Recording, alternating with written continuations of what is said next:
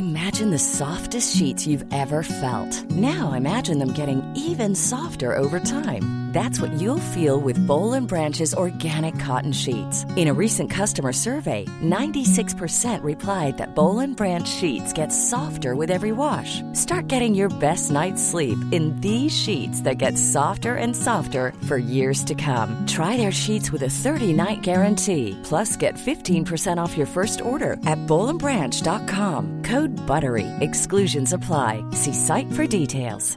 Quality sleep is essential. That's why the Sleep Number Smart Bed is designed for your ever evolving sleep needs. Need a bed that's firmer or softer on either side? Helps you sleep at a comfortable temperature? Sleep Number Smart Beds let you individualize your comfort so you sleep better together. JD Power ranks Sleep Number number 1 in customer satisfaction with mattresses purchased in-store. And now save 40% on the Sleep Number limited edition Smart Bed for a limited time.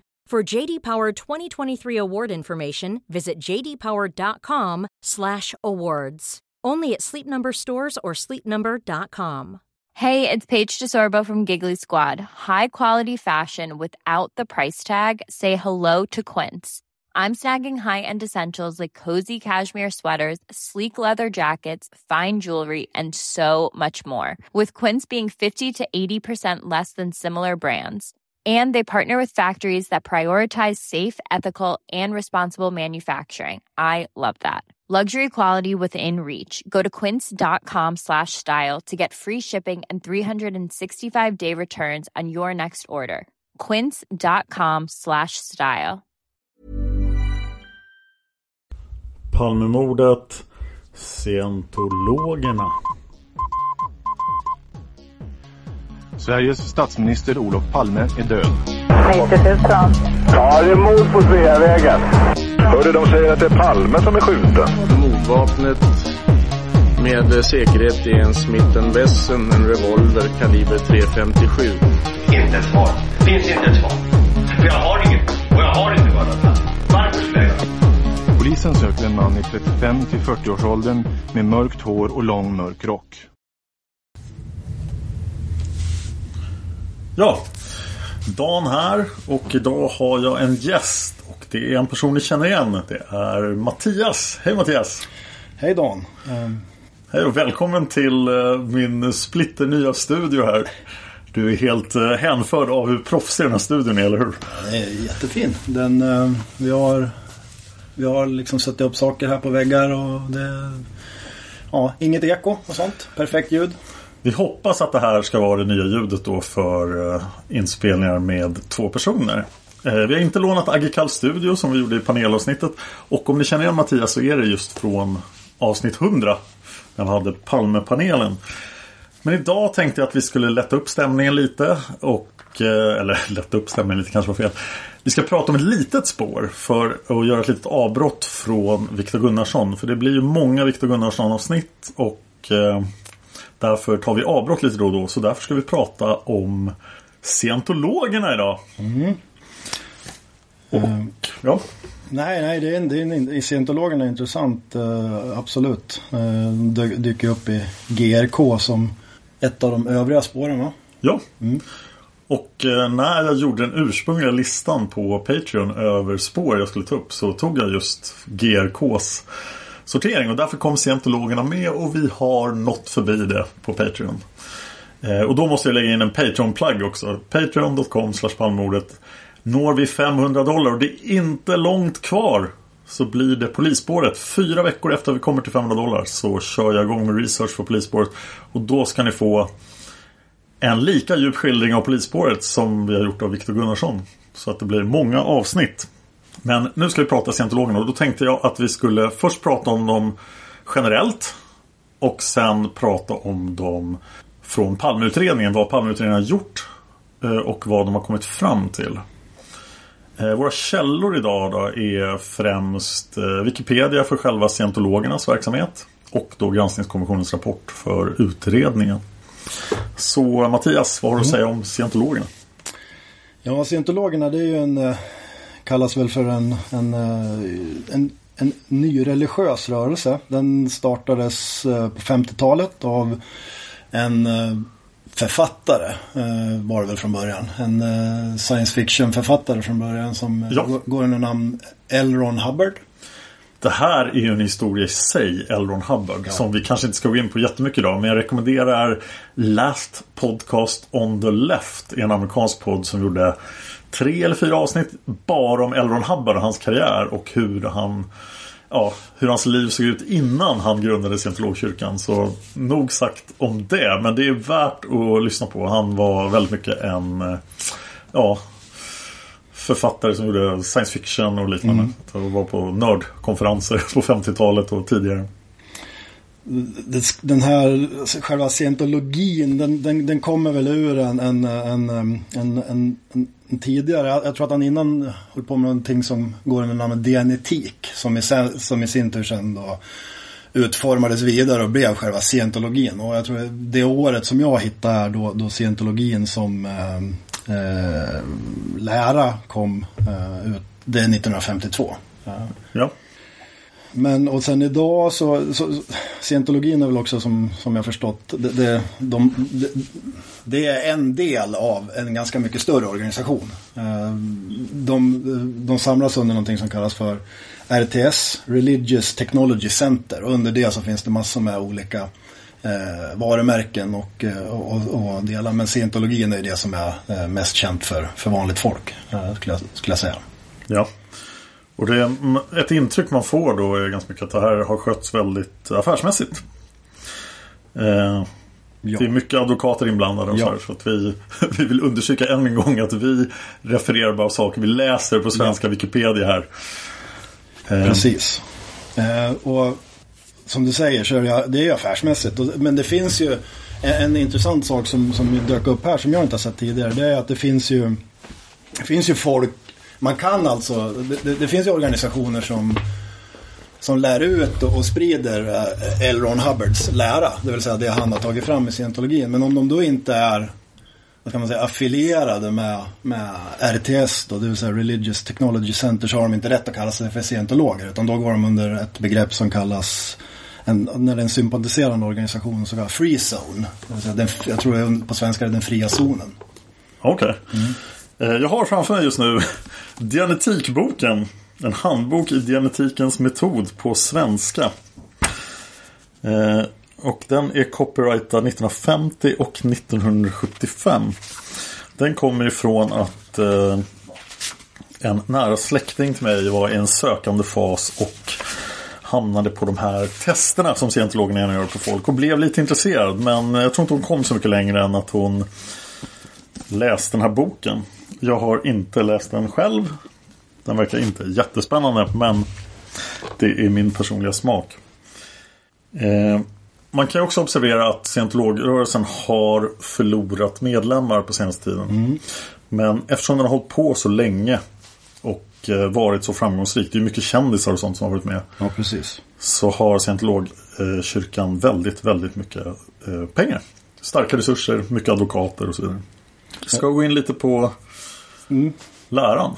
Ja, just det. Ehm, den är ju, den är ju om man säger inte så jättelångt ifrån eh, de här.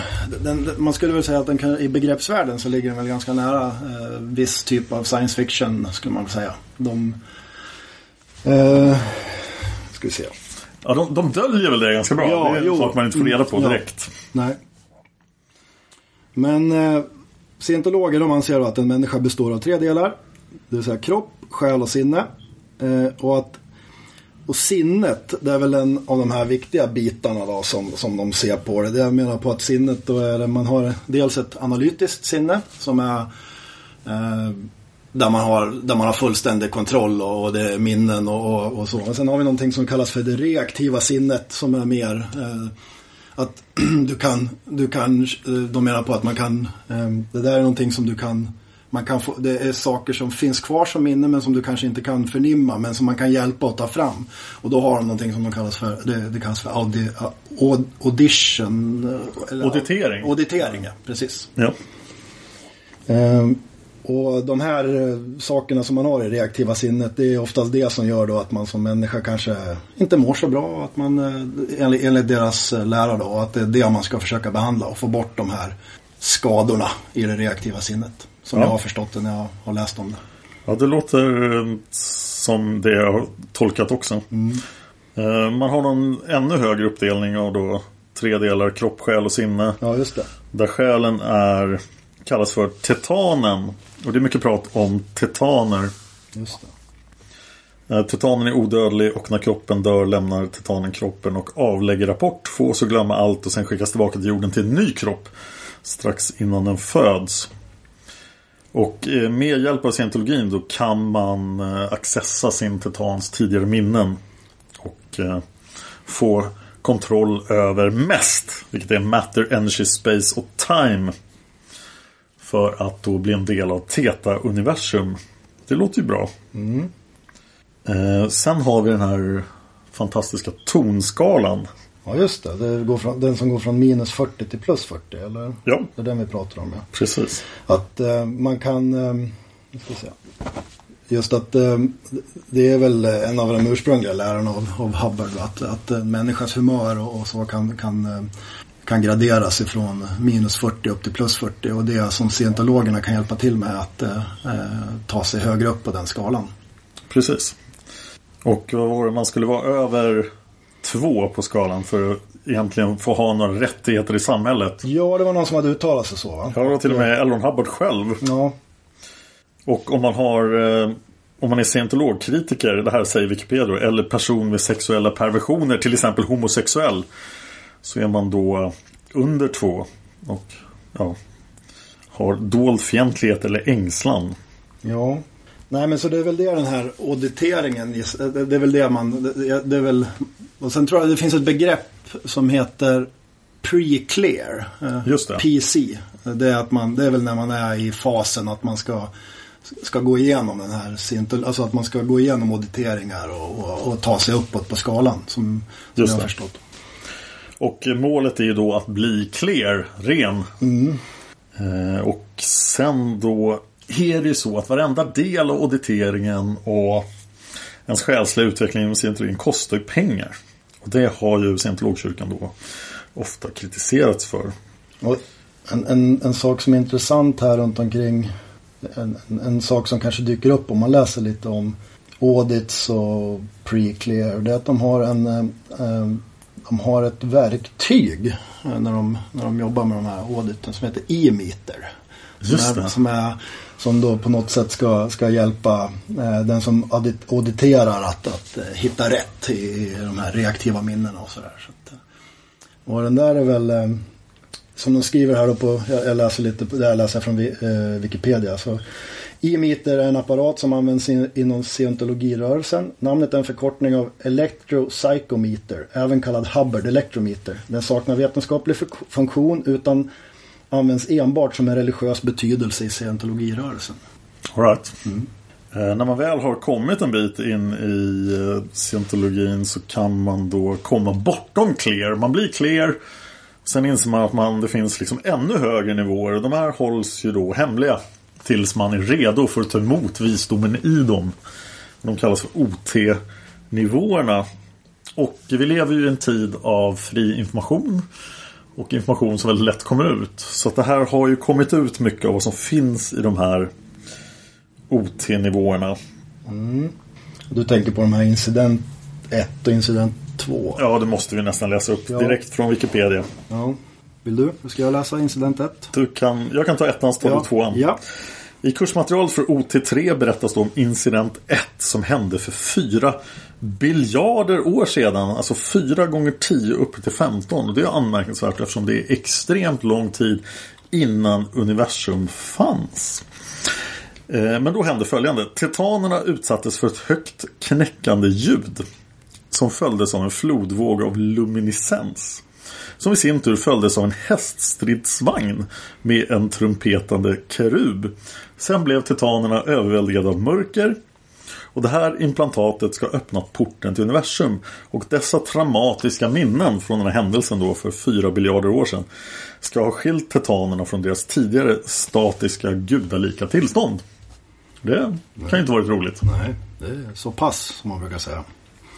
Och, och sen har du då också någonting som har kommit fram här då. Det är ju om incident 2. Det vill, det vill säga OT3 berättar även om incident 2. Eller The Wall of Fire. Detta är den mest uppmärksammade av scientologikyrkans hemliga läror, läror och påstås ha ägt rum för 75 miljoner år, år sedan. Det var den onde Xenu, X-E-N-U, härskare över den galaktiska konfederationen, fraktade miljarder utomjordingar till jorden och dödade dem i vulkaner med hjälp av vätebomber.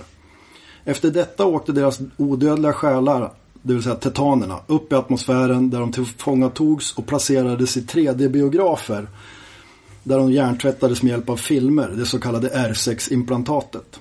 Sedan släpptes tetanerna ut och har därefter klamrat sig fast vid människorna som ett slags andliga parasiter. Eh, det vill säga kroppstetaner som orsakar olika problem. Målet med OT3 och de högre nivåerna är att med hjälp av auditering frigöra sig från dessa kroppstetaner.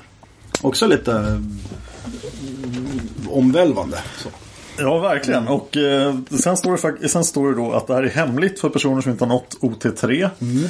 Eh, men på framsidan av genetikboken finns faktiskt en bild som ser ut att föreställa just den här vulkanen. Mycket riktigt.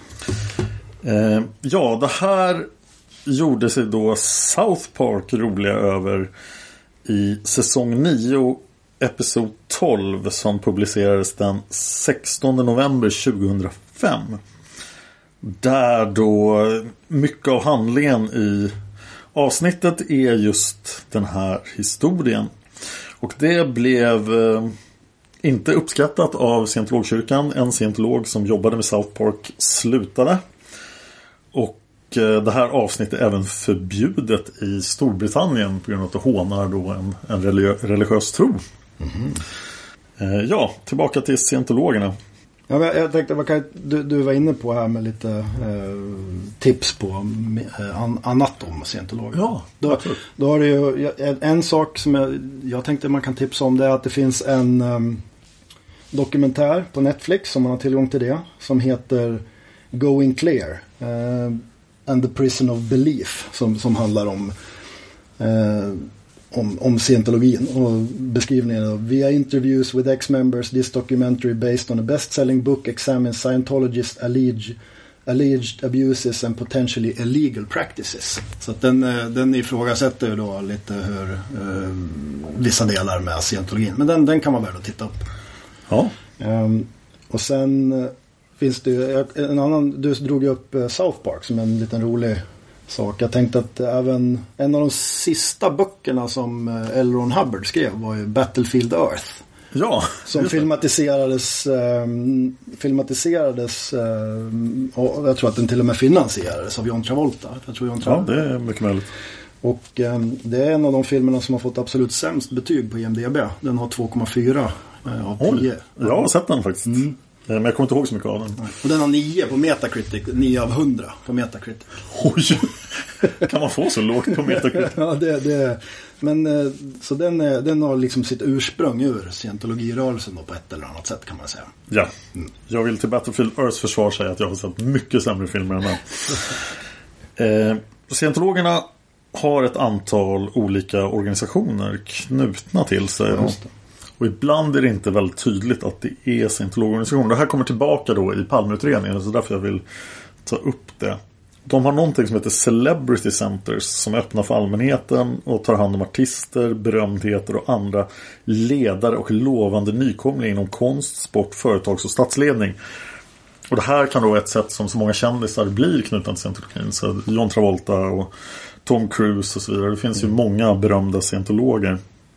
De har väldigt många och de, namngivningen på de här eh, delarna, organisationerna, är ibland så att det är lite svårt att, att, att härröra dem till att de skulle ha med någon religiös eh, organisation att göra. Till exempel, ett exempel här är ju, de har något som heter Sjöorganisationen. Ja. Sea Org. Som, som, äh, som, som är scientologikyrkans elitorganisation. Vars medlemmar är totalt hängivna scientologikyrkans mål. Det, det som är lite speciellt med den är att för att bli medlem så måste man skriva ett kontrakt på en miljard år. Ja, mm. det, det, är ett tag. Mm. Det här skildras fantastiskt bra i Last Podcast om Löft när de beskriver eh, livet på de här båtarna. För Sea Org var alltså ett sätt att scientologkyrkan skulle styras från havet så att ingen världslig organisation skulle kunna lägga sig i det. Och då hade de en flotta båtar som åkte runt och sen bedrev de liksom.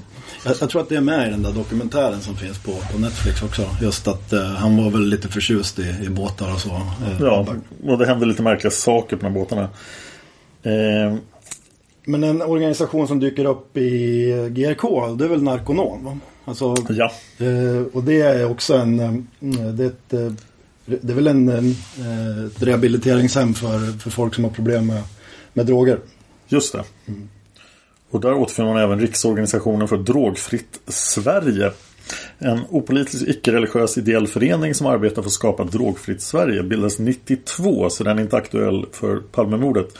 Men Uppdrag granskning har eh, påvisat att organisationen har starka kopplingar till Scientologkyrkan. Främst genom ett nära samarbete då med Narconon. Okej. Okay. Ja, nej, så det finns, det finns en de, har, de äger väldigt många varumärken och så. Det, det, finns en det finns lista där. Jag tror att det, det, den är lite för lång nästan att, att rada upp. Men de, har, de äger väldigt många varumärken och, och underorganisationer och så. Som, och de är väldigt noga med hur man får använda de här varumärkena. Och det är det de det är det som de har sin utkomst ur lite grann. Att, eh, upp, eh, upphovsrätten till, till böcker och, och varumärken och sånt. Just och hur det används. Jag vill nämna några till. Eh, Kommittén för mänskliga rättigheter. Eh, som driver aktiva kampanjer mot psykiatrin. Däribland eh, ett museum i Los Angeles och de har gjort en film som heter Psykiatrin Dödens Industri. För de hävdar psykiatrin är ond. Kommittén för mänskliga rättigheter i Sverige hamnade i blåsväder under slutet av september 2008. Då det uppdagades av Uppdrag granskning att de fått in stora inkomster från svenska kommuner som trott att de har stött en organisation för mänskliga rättigheter. Bland andra Körns kommun tog sedan i programmet avstånd från organisationen. Och jag tänkte också nämna lite mer om Narconon här. För Narconon har kritiserats då. Det är ett rehabiliteringshem där patienterna behandlas med metoder som bland annat överdosering av B-vitaminer och dagliga 5-6 timmars bastubad. Eh, metoder som ska kunna påstås, då, eller påstås kunna driva ut radioaktivitet i kroppen. Eh, fanns, finns sedan 1972 i Sverige och har idag behandlingshem i Eslöv och viss verksamhet i Göteborg och Västerås. År 2008 stängdes behandlingshemmet i Huddinge. Och då i Sverige har organisationen fått negativ uppmärksamhet efter en reklamfilm innehållande det svenska kungaparet utan deras tillåtelse. Samt att filmen innehöll arrangerad och felaktig fakta, säger Wikipedia. Det finns ju, det finns ju några kontroverser. Eh, en jag vet inte om vi, du vill gå in om det är någonting mer. Ja, jag tror vi ska nämna dem lite grann. Ursäkta. Som sagt, från Wikipedia. Mm. Den är ju svensk. Det, är ju, det var ju en, eh, en, en, svensk scientologkritiker. Eh, Zenon Panossis som lämnade in en kopia av en bok som heter New Era for Operating Thetans. Just det. Han lämnade in den till, till, till Sveriges riksdag. Eh, och då blev ju de dokumenten en, en så kallad offentlig handling. Oj. Och det här var ju då dokument som från början skulle vara hemliga eller interna inom, inom scientologin. Ja. Eh, och det som hände då var att eh, då försökte scientologkyrkan hindra allmänheten från att begära ut de här genom att se till att det var anhängare till scientologerna satt och läste de här böckerna och begärde ut dem under öppettiderna. Ja. Eh, Låter eh, mantimme intensivt. Ja, det som jag tyckte det som jag reagerade rätt mycket på här när jag läste om det här. Det är att eh, då var ju, då har ju de scientologerna bedrivit en ganska hård kampanj för att det här ska, eh, att, att det här ska hemligstämplas. Ja. Och de har ju lyckats med det också. Att, eh, efter tre års upprepade försök av scientologikyrkan att hemligstämpla notdokumenten, det vill säga New Era for Operating Thetans lyckades man år 2000 få riksdagen att anta en lag som hemligstämplade dokumenten. Och det här har blivit väldigt, eh, det var flera eh, jurister då som protesterade mot det här för de menar att eh, upphovsrätten på något sätt då, alltså att upphovsrätten i det här fallet var starkare än Sveriges grundlag och det tyckte väl de då var lite kontroversiellt. Och det kan vi också ha en fundering över. Ja, jag tror att det var P3 Dokumentär som mm. gjorde en, okay. en skildring av just det här fallet. Ja, det måste jag ta och lyssna på. Som var väldigt intressant. Mm. Ehm, ja, det så finns det ett antal eh, eh, amerikanska historier då som vi kanske inte ska gå in på. Men eh, scientologkyrkan har fört en ganska eh, lång kamp mot just saker som läcker på internet och kommer Mm. ut. Så det måste vara hopplöst. De har fått eh, Anonymous mot sig också. Ja, just det. Frågan är om Anonymous fortfarande ägnar sig åt det. Ja, de fick dem emot sig i alla fall. Under det var för att de krävde att de skulle ta bort någon video från YouTube eller något sånt där. Och då, då gick Anonymous på dem. Och, med lite eh, denial of service-attacker och sånt. Ja. Eh, Eh, jag kan nämna också att Scientologkyrkan blev 2009 den första organisation som blockerades från att redigera Wikipedia. Enligt Dr. Polter från Wikipedia i Storbritannien. Och det hände då efter Scientologkyrkan hade skapat åtskilliga konton som alla gjorde redigeringar enligt mönstret att radera kritiskt material och infoga scientologpropaganda. Mm. Det kanske är värt att påpeka också att Scientologkyrkan har alltså inga som helst kopplingar till kristendomen. Utan använder bara termen kyrka för Ja, att precis. Ja, det, det är en vanlig term för att beskriva ett eh, religiös samling folk. En, en sak som kan vara värt att notera tror jag med scientologerna. Och det jag tror det dyker upp här också. Det kommer att dyka upp även i Palme eller GRK. Det är att eh, de, en av de stora frågorna med scientologer eller scientologerna i, i olika länder är det här med skatter. Att de, att, att, att, att de är väldigt, väldigt pushiga för att de ska vara ett, kristet, eller ett, eh, ett religiöst samfund och slippa eh, beskattning. Och, och det Aha. där har blivit politiskt kontroversiellt i många länder. Okej. Ja. Eh, Är de eh, klassade som religiösa samfund i Sverige? Jag tror att det är en av de sakerna som dyker upp här i GRK. Att, eh, att det skulle eventuellt kunna vara ett, eh, ett motiv. Då, att, att, att man började prata om att man ville Jaha. börja beskatta eh, religiösa samfund eh, Ah. mera. Så att, ehm, men det dyker också upp i den här dokumentären, Going Clear. Om, om att de jobbar väldigt hårt hur, hur de ser på beskattning och sånt i, i USA till exempel. All right. Eh, det har ju också förekommit en del historier med att folk som har hoppat av från Scientologkyrkan har känt sig förföljda och trakasserade av kyrkan. Eh, är vi klara med presentationen av scientologerna som sådan? Alltså, det, man känner när man läser om scientologerna är att man skulle kunna läsa väldigt länge. Det, det är väldigt, det, den, den är som designad för att den ska vara lite svår att förstå nästan. Eh, Ja. den, är, det är en väldigt komplex eh, struktur när det gäller organisation och inte helt lätt att förstå. Och det är väl lite, det är väl lite the unique selling point också med att man ska att, att man har all information finns inte där utan det är någonting Nej. som någon, man ska få reda på genom att gå med i. Men eh, intressant är det. En intressant eh, jag vet inte om vi sa det hur många medlemmar de hade men det hade sjunkit, Nej. siffran de hade på Wikipedia var att eh, 2001 så hade det varit, då var de eh, eh, var det, hade de 55 000 registrerade eh, medlemmar. Globalt då? Ja, det är som jag förstod Ja. det. Och 2008 så hade de 25 000. Så det är en, det är en sänkning på ja, 54 procent ner då på, på There's never been a faster or easier way to start your weight loss journey than with PlushCare. PlushCare accepts most insurance plans and gives you online access to board-certified physicians who can prescribe FDA-approved weight loss medications like Wigovi and Zepbound for those who qualify. Take charge of your health and speak with a board-certified physician about a weight loss plan that's right for you. Get started today at plushcare.com slash weight loss. That's plushcare.com slash weight loss. plushcare.com slash weight loss. If you thought the only way to get a more defined jawline with natural looking results was through surgery, think again. Juvederm Volux XC is a non surgical injectable gel filler that improves moderate to severe loss of jawline definition and can help you achieve natural looking results with little downtime. Even better, this improved definition lasts up to one year with optimal treatment. No maintenance required. Improve jawline definition for a smooth, sculpted look with Juvederm Volux XC. For important safety information and to find a licensed specialist, visit juvederm.com. That's J U V E D E R M.com. Not for people with severe allergic reactions, allergies to lidocaine, or the proteins used in Juvederm. Common side effects include injection site redness, swelling, pain, tenderness, firmness, lumps, bumps, bruising, discoloration, or itching. There's a risk of unintentional injection into a blood vessel, which can cause vision abnormalities, blindness, stroke, temporary scabs, or scarring. Talk to a licensed specialist to find out if it's right for you. Millions of people have lost weight with personalized plans from Noom, like Evan, who can't stand salads and still lost 50 pounds. Salads, generally, for most people, are the easy button, right? For me, that wasn't an option. I never really was a salad guy. That's just not who I am. But Noom worked for me. Get your personalized plan today at Noom.com. Real Noom user compensated to provide their story. In four weeks, the typical Noom user can expect to lose one to two pounds per week. Individual results may vary. Sju år. Ja, det har ju varit väldigt mycket dålig press och man får ju ett väldigt negativt intryck. Wikipedia. Så om vi har någon lyssnare som är scientolog och känner att de vill eh, ja, ge en annan bild av scientologkyrkan så eh, mejla eller skicka ett Facebook-meddelande på Palmemordet.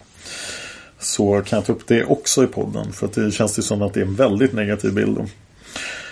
Eh, och det här blev ju då intressant för eh, Palmeutredningen. På sid 518 i granskningskommissionens rapport börjar de prata om scientologkyrkan. Och Mm. det ägnas hela sex sidor av den tusensidig rapporten åt att berätta vad Palmeutredningen har gjort i samband med scientologkyrkan. Och det här är anmärkningsvärt mycket sidor.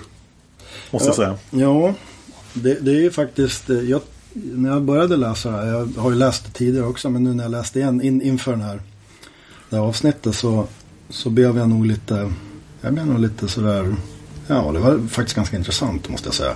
Det dök ju upp tips ganska tidigt som eh, hade med, det, dök, det, det första tipset dyker väl upp redan den 14 mars 1986. Ja, det är två veckor efter. Ja. Ska du ta det? Eh, ja, då är det en advokat, Per S, som kontaktar Stockholmspolisen per telefon.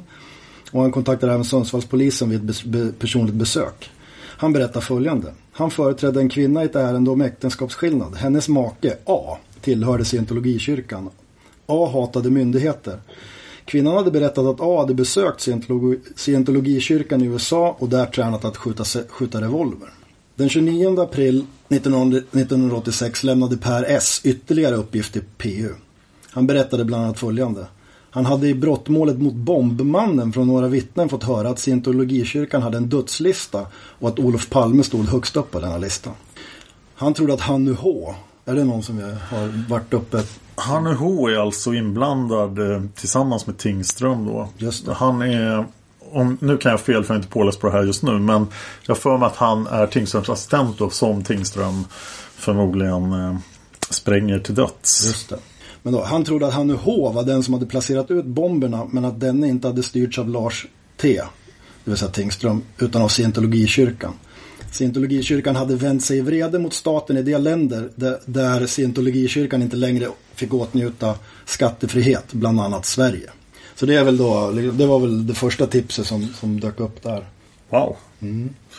Så där är ju motivet då. Det skulle vara det här med skatte... Eh, att de blir av med... Eh, att de helt plötsligt ska bli, betala mer skatt då. Just det. Och eh, efter det att eh, Per S kvinnliga klient hade separerat från den här A. Lägg A på minnet för det är han som är den huvudmisstänkta. Ja, precis, precis. Så hade scientologkyrkan utsatt henne för terror. Och det är ju då någonting som återkommer i andra historier om scientologerna. Att avhoppare blir förföljda. Men det måste ju påpekas, och det kommer vi påpeka igen, att scientologkyrkan inte har en historia av att använda våld på något sätt. Jag tror inte det finns ett enda fall där någonting sånt har hänt. Då, här, är väl, då, här kan man väl då hitta den här, eh, kop, den här kopplingen med...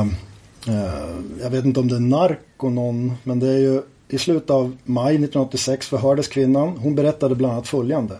Hon hade tidigare varit gift med A. De fick kontakt med scientologikyrkan 1972. A var missbrukare men blev av med sitt missbruk och blev en fanatisk medarbetare i scientologikyrkan. Och då funkade ju Narconon för Mm. honom i alla fall. Just det, det, det står här ja, precis. Att de drog sig ur scientologikyrkan 75.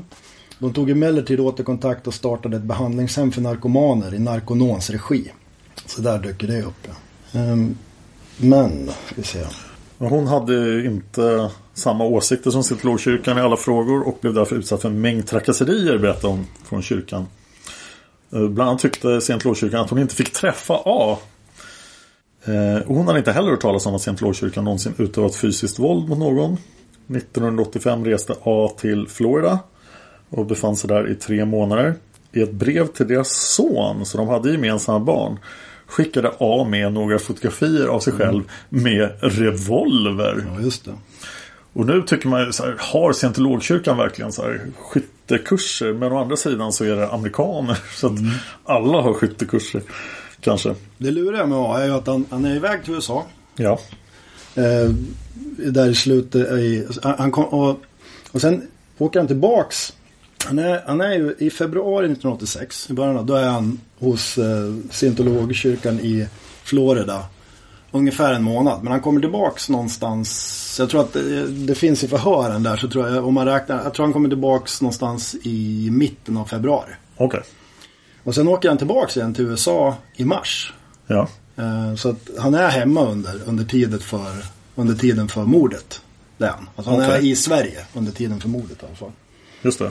Och eh, hon påpekar att hon tror inte att han har någonting med Nej. att hennes man har då någonting med mordet på Olof Palme att göra. Nej, precis. Och då är det dags att förhöra själva A då. Ja, precis. Ska du eller jag ta det? Du kan ta det. Ja, i slutet av maj eh, 1986 så förhördes A. Han berättar följande. Han var medlem i scientologikyrkan och föreståndare för ett behandlingshem som bedrevs i Narconons regi. Narconon var en från scientologikyrkan fristående organisation men man hade dock samma utbildningsprogram som scientologikyrkan. Vidare fanns en koppling mellan Narconon och scientologikyrkan genom föreningen Social, Social Coordination. Han reste till USA den 22 januari 1986 och kom tillbaka tre veckor senare. Det borde bli 22 januari, tre veckor senare. Vad blir det? borde bli runt den 12 12 februari. Ja, 12 februari, precis.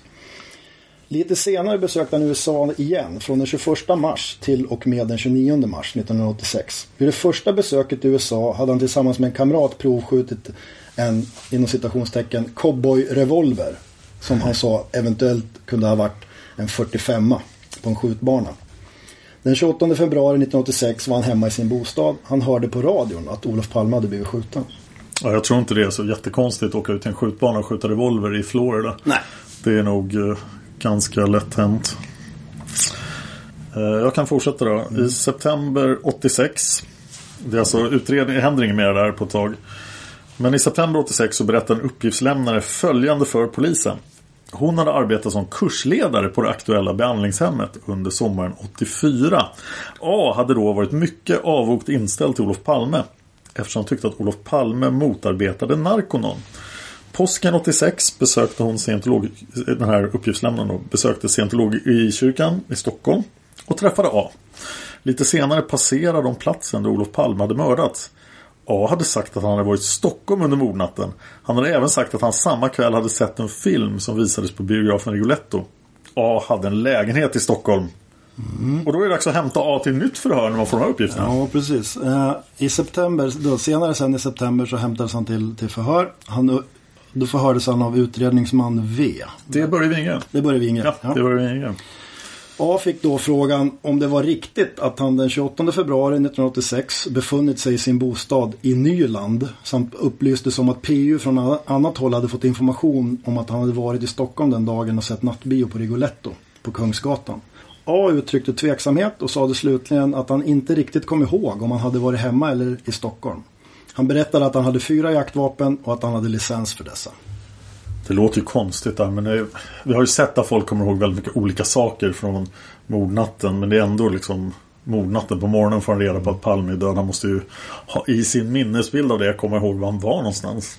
Man kan tycka det. I en eh, promemoria författad av en utredningsman vid Palmeutredningen i november 86 finns anteckningar om ett besök hos Palmeutredningen av representanter för scientologikyrkan. Scientologikyrkan söker alltså aktivt upp Palmeutredningen när de förstår att Palmeutredningen är intresserad av dem.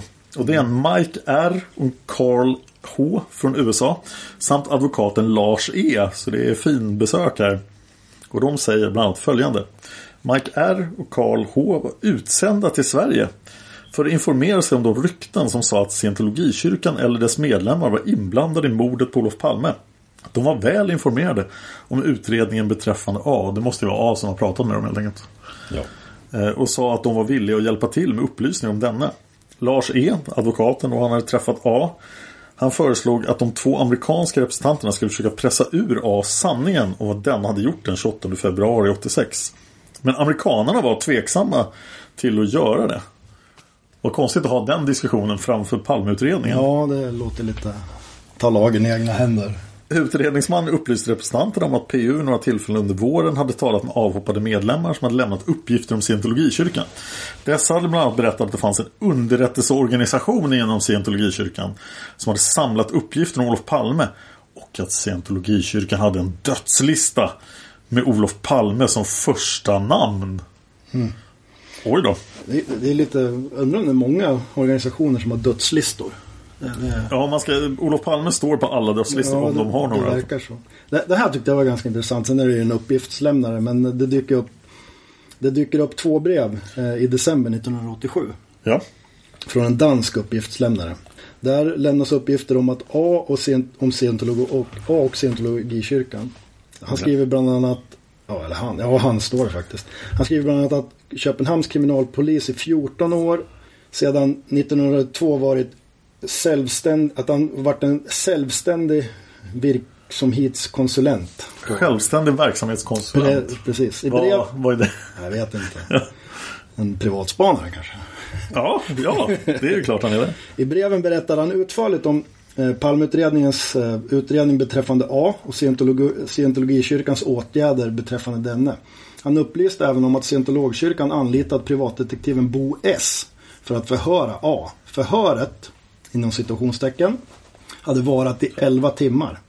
A ska vid detta förhör ha berättat att den 28 februari 1986 varit på samma biograf som Olof Palme. Nu är, en annan bio, nu är han på Grand helt plötsligt. Ja.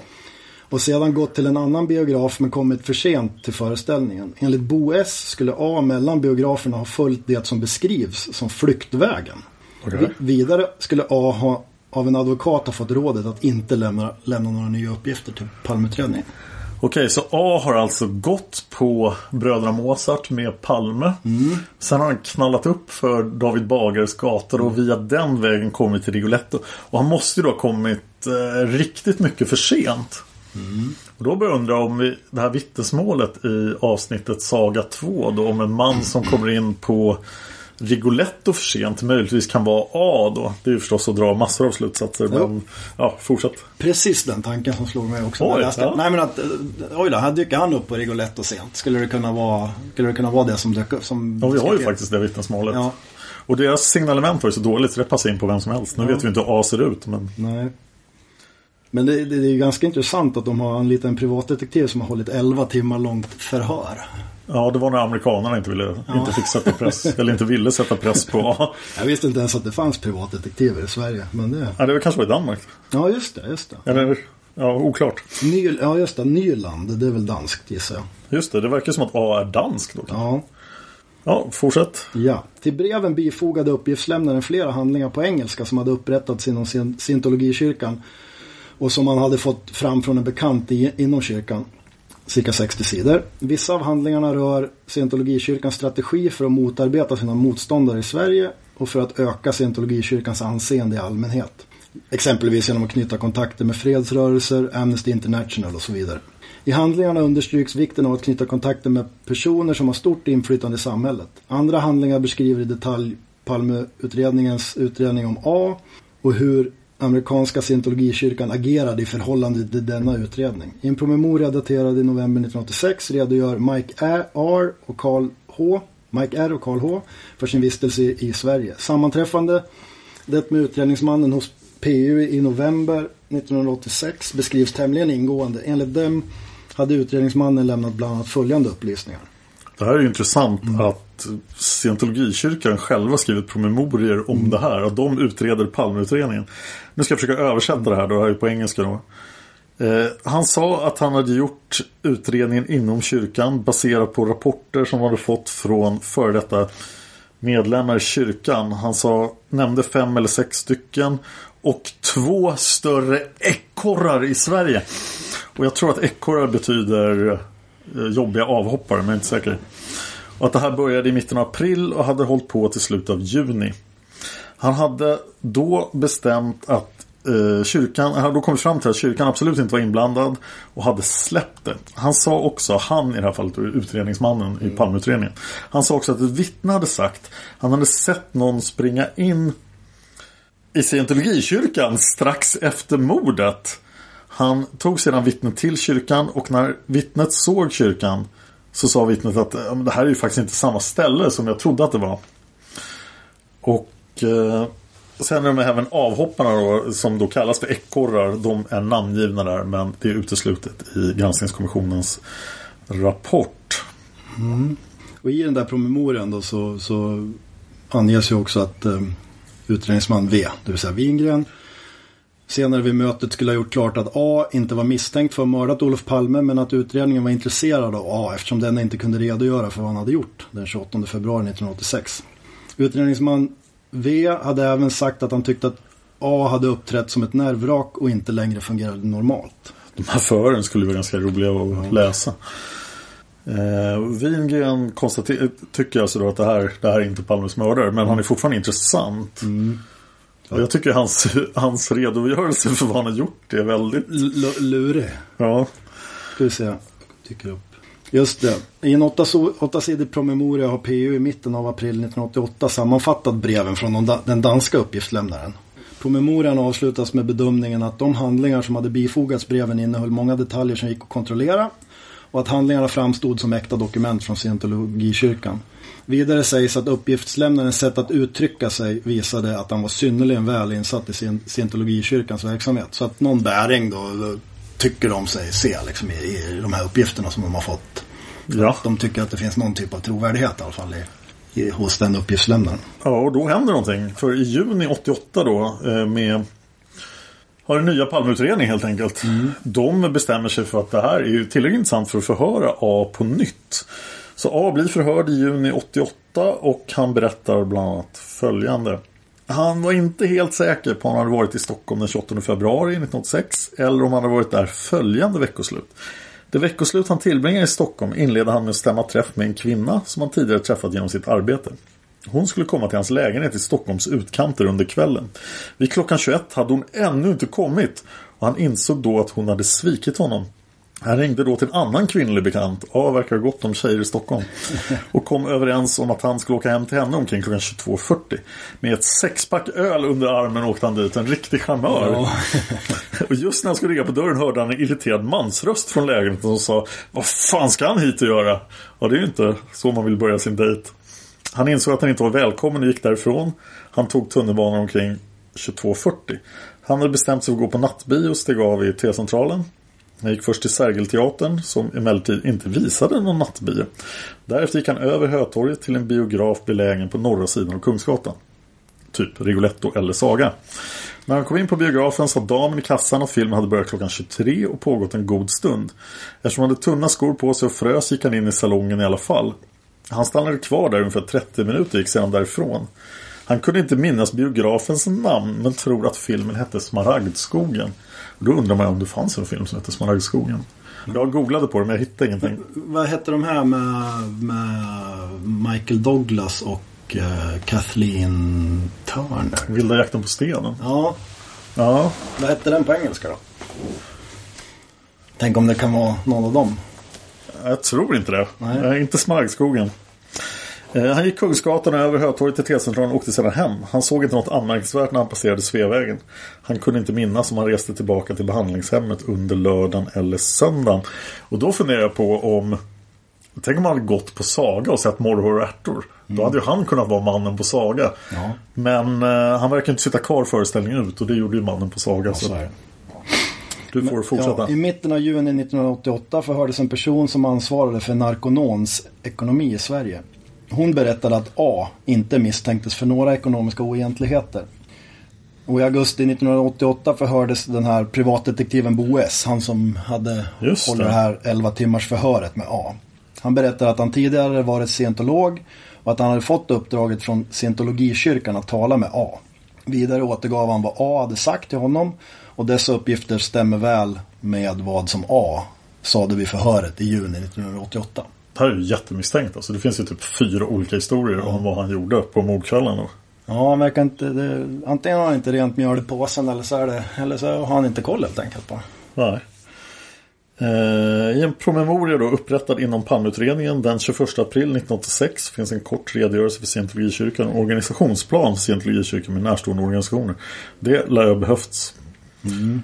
I augusti 86 besöktes Palmeutredningen av Renko H och Jane K från Scientologkyrkans huvudkontor för Europa. Återigen mm. scientologer på besök hos Palmeutredningen. De visade upp en artikel ur Aftonbladet från juli 86 angående uppgifter om scientologikyrkans eh, samband med mordet på Olof Palme. De upplystes bland annat om att någon spaning eller utredning beträffande scientologikyrkan inte längre bedrevs av Palmeutredningen. En promemoria upprättad av Säkerhetspolisen i januari 1989 återger uppgifter som inhämtas från FBI i Los Angeles. Uppgifterna rör scientologikyrkan i USA och dess grundare Lafayette Ron Hubbard. Men det står inget mer. Jo, förutom allmänna uppgifter om scientologikyrkan finns uppslag som innehåller avhoppares berättelser om trakasserier från scientologikyrkan. De verkar vara väldigt noga med att liksom hålla koll på vilken information som finns och inte finns om dem och vilja veta. Liksom. De verkar vara väldigt aktiva eh, som organisation när det kommer till de här. Ja, verkligen. Ja. Och väldigt eh, med ett juridiskt fokus. Ja. Eh, ska jag läsa det här sista? Ja, I januari 1990 upprättades inom eh, Palmutredningen en fyrsidig promemoria benämnd Redovisning av avsnitt HF, Eh, scientologikyrkan. Den, den har författats av en, den utredningsman som synes ha handlagt flertalet uppslag i avsnittet. I promemorian beskrivs avsnittets tre huvuddelar kortfattat. Allmänna tips där scientologikyrkan utpekas som Palmefientlig och inom citationstecken i stånd till vad som helst. Den delar, det är också tips som är angående Ted G. Eh, samt uppgifterna från Per S. Om en funktionär vid scientologikyrkan närstående narkonom. Det var A. Ja. ja. Beträffande förekommande motivbilder görs bedömningen att det är svårt att tänka sig att sekten skulle reagera med våld i dessa avseenden, i vart fall i organiserad form. De enskilda uppslagen framställs som färdigutredda. Vad 17 gör Ted Gärdestad där? Ja. Han finns ju med som misstänkt i Palmeutredningen. Mm. Men eh, han var ju inblandad i en helt annan religiös ja, verksamhet. Precis. Det hade ju ingenting med scientologi i kyrkan eh, Vi kan också nämna att eh, det här är avsnitt HF i Palmeutredningen. Det har 26 uppslag som pekar ut eh, A då främst. Eh, ja, då måste vi ju följa traditionen i den här podden och komma fram till en gärningsbeskrivning. Då, ja. Hur gick det till när A mördade Olof Palme? Och då tänker jag mig att han är, han är i USA. Han ja. får träningen där. Han får uppdraget och för att inte vi ska bli stämda av scientologkyrkan får han givetvis uppdraget av CIA. Ja. Som ju vill mörda Palme. Mm. Eftersom Palme håller på att sabba den här kärnvapenfria Eh, han försöker skapa den här kärnvapenfria zonen i Norden och det är inte alls bra. Nej, det är sant. Så eh, han får uppdraget, kommer tillbaka till Sverige där i början av februari. Planerar och följer efter och måste på något sätt då följa efter och, och Palme och försöka se om man blir. Precis, och han har hjälp av CIA då. Så att, mm, ja, CIA-associerade människor som till exempel då kanske Stay Behind eller, eller varför inte Viktor Gunnarsson ja, skulle kunna vara inblandade här och spana åt A. Ja. Och uh, mycket riktigt går han på den här bion då när han Palme ut och rör sig, Palme ut på bion, okej jag går på bion. Hur fick han en biljett till Bröderna Mozart? Det var ju fullt. Ja, en bra fråga. Ja, där... var det fullt? Ja, det var ju fullt faktiskt. Ja. Det fanns ju inte ens en biljett till Olof Palme egentligen. Och det fanns väl biljett men det fanns, det fanns, kanske inte tillräckligt bra platser. Var det inte så det var? Att Nej, det var, han fick en undanlagd biljett ja, som okay, var undanlagd ja. alltid åt filmdirektören. Ja, så att A blev tvungen att råna någon på biljett och tvinga den personen att tiga i all framtid. Men och sen ser han då Palme klar, går ut där och så, ja. Han följer efter och, och, och, när de går över hörnet så springer han fram och går över lite senare och ställer sig vid Dekorima och tar han när han kommer förbi. Precis. Och sen några, dag, några veckor senare när, när, när han lugnar sig så tar han flyget tillbaks till USA och hämtar ut pengarna från CIA. Ja. ja. Enkelt. Ja, strålande. Vi har löst det. Och dessutom då efter, efter skottet så springer han och gömmer sig på eh, Rigoletto på nattbilen. Så är det. Så då vet vi vem det var som kom in på den också. Ja, precis. Ja. Det är så mycket som blir tydligt. Mm. Vad kul att du kunde vara med igen. Tack för din insats. ja. En passus bara. Ja. Eh, du pratade om Ted Gärdestad. Ja. Det var ju Bagwan-rörelsen. Så var det. Ja. Att, äh... Och jag kommer att ta upp Ted Gärdestad mm. i podden i spåret exotiska uppslag som finns på listan på Patreon. Eh, ja, har du något mer du vill eh, prata om när du ändå är här? Och... Nej, ja. Eh, bara att eh, intressant. Man, eh, man, man börjar läsa ett spår som man inte tror ska ha någon bäring och sen så hittar man saker som är intressanta. Det som det är i det här i Palmemordet, det är att man stöter på hur mycket konstigheter som helst. Så det är bara i slutändan så får vi, får vi se vilka konstigheter som har med att göra eller inte. Det... Jag hoppas verkligen vi får göra det. Ja, det, jag, jag, jag, är, jag är positivt inställd och jag hoppas och tror det. Ja, det slår mig när jag gör min andra podd, seriemördarpodd, när man tar upp stora olösta fall. Jag ägnade 11 avsnitt åt mm. Zodiac till exempel.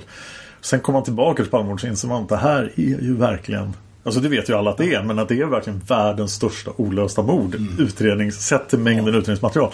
Åh, det är så otroligt hur mycket konstiga trådar det finns. Ja. Och hur mycket underliga saker som händer den här fredagskvällen. Ja, det, det, är inte helt trivialt. Alltså, även om jag är en förespråkare av Occams rakkniv. Liksom, att ja. den här, eh, oftast är det den enklaste lösningen som, som är den rätta. Alltså, det är inte helt lätt att applicera den, eh, de premisserna på, på Palmemordet. För det är hur hur mycket man än vill hålla sig till fakta så är det. Det finns så mycket saker där som man trådar, kan tråda iväg i. Så att eh, det är svårt att hålla sig till. Ja, det, är, det är intressant. Och det här var också intressant. Jag eh, ska nog försöka läsa lite mer om scientologerna tror jag. Ja. Intressant organisation. Verkligen. Ja, tack för att du kom hit. Ja, och tack. Eh, tack till er lyssnare för att ni lyssnar på Palmemordet. Mm. Man hittar Palmes mördare om man följer PKK-spåret till botten. Därför att ända sedan Julius Caesars tid har jag aldrig hört talas om ett mord på en framstående politiker som inte haft politiska skäl. Polisens och åklagarens teori var att han ensam hade skjutit Olof Palme. Och det ledde också till rättegång. Men han frikändes i hovrätten. Nu ska vi ut på rövarstråt. Ja, vi ska ut och röva. A lot can happen in three years. Like a chatbot may be your new best friend. But what won't change? Needing health insurance. United Healthcare Tri Term Medical Plans, underwritten by Golden Rule Insurance Company, offer flexible, budget friendly coverage that lasts nearly three years in some states. Learn more at uh1.com. Even when we're on a budget, we still deserve nice things. Quince is a place to scoop up stunning high end goods for 50 to 80% less than similar brands. They have buttery soft cashmere sweaters starting at $50, luxurious Italian leather bags, and so much more. Plus, Quince only works with factories that use safe, ethical, and responsible manufacturing. Get the high-end goods you'll love without the high price tag with Quince. Go to quince.com/style for free shipping and 365-day returns. Hey, it's Paige DeSorbo from Giggly Squad. High quality fashion without the price tag. Say hello to Quince. I'm snagging high-end essentials like cozy cashmere sweaters, sleek leather jackets, fine jewelry, and so much more. With Quince being 50 to 80% less than similar brands. And they partner with factories that prioritize safe, ethical, and responsible manufacturing. I love that. Luxury quality within reach. Go to quince.com slash style to get free shipping and 365 day returns on your next order. Quince.com slash style.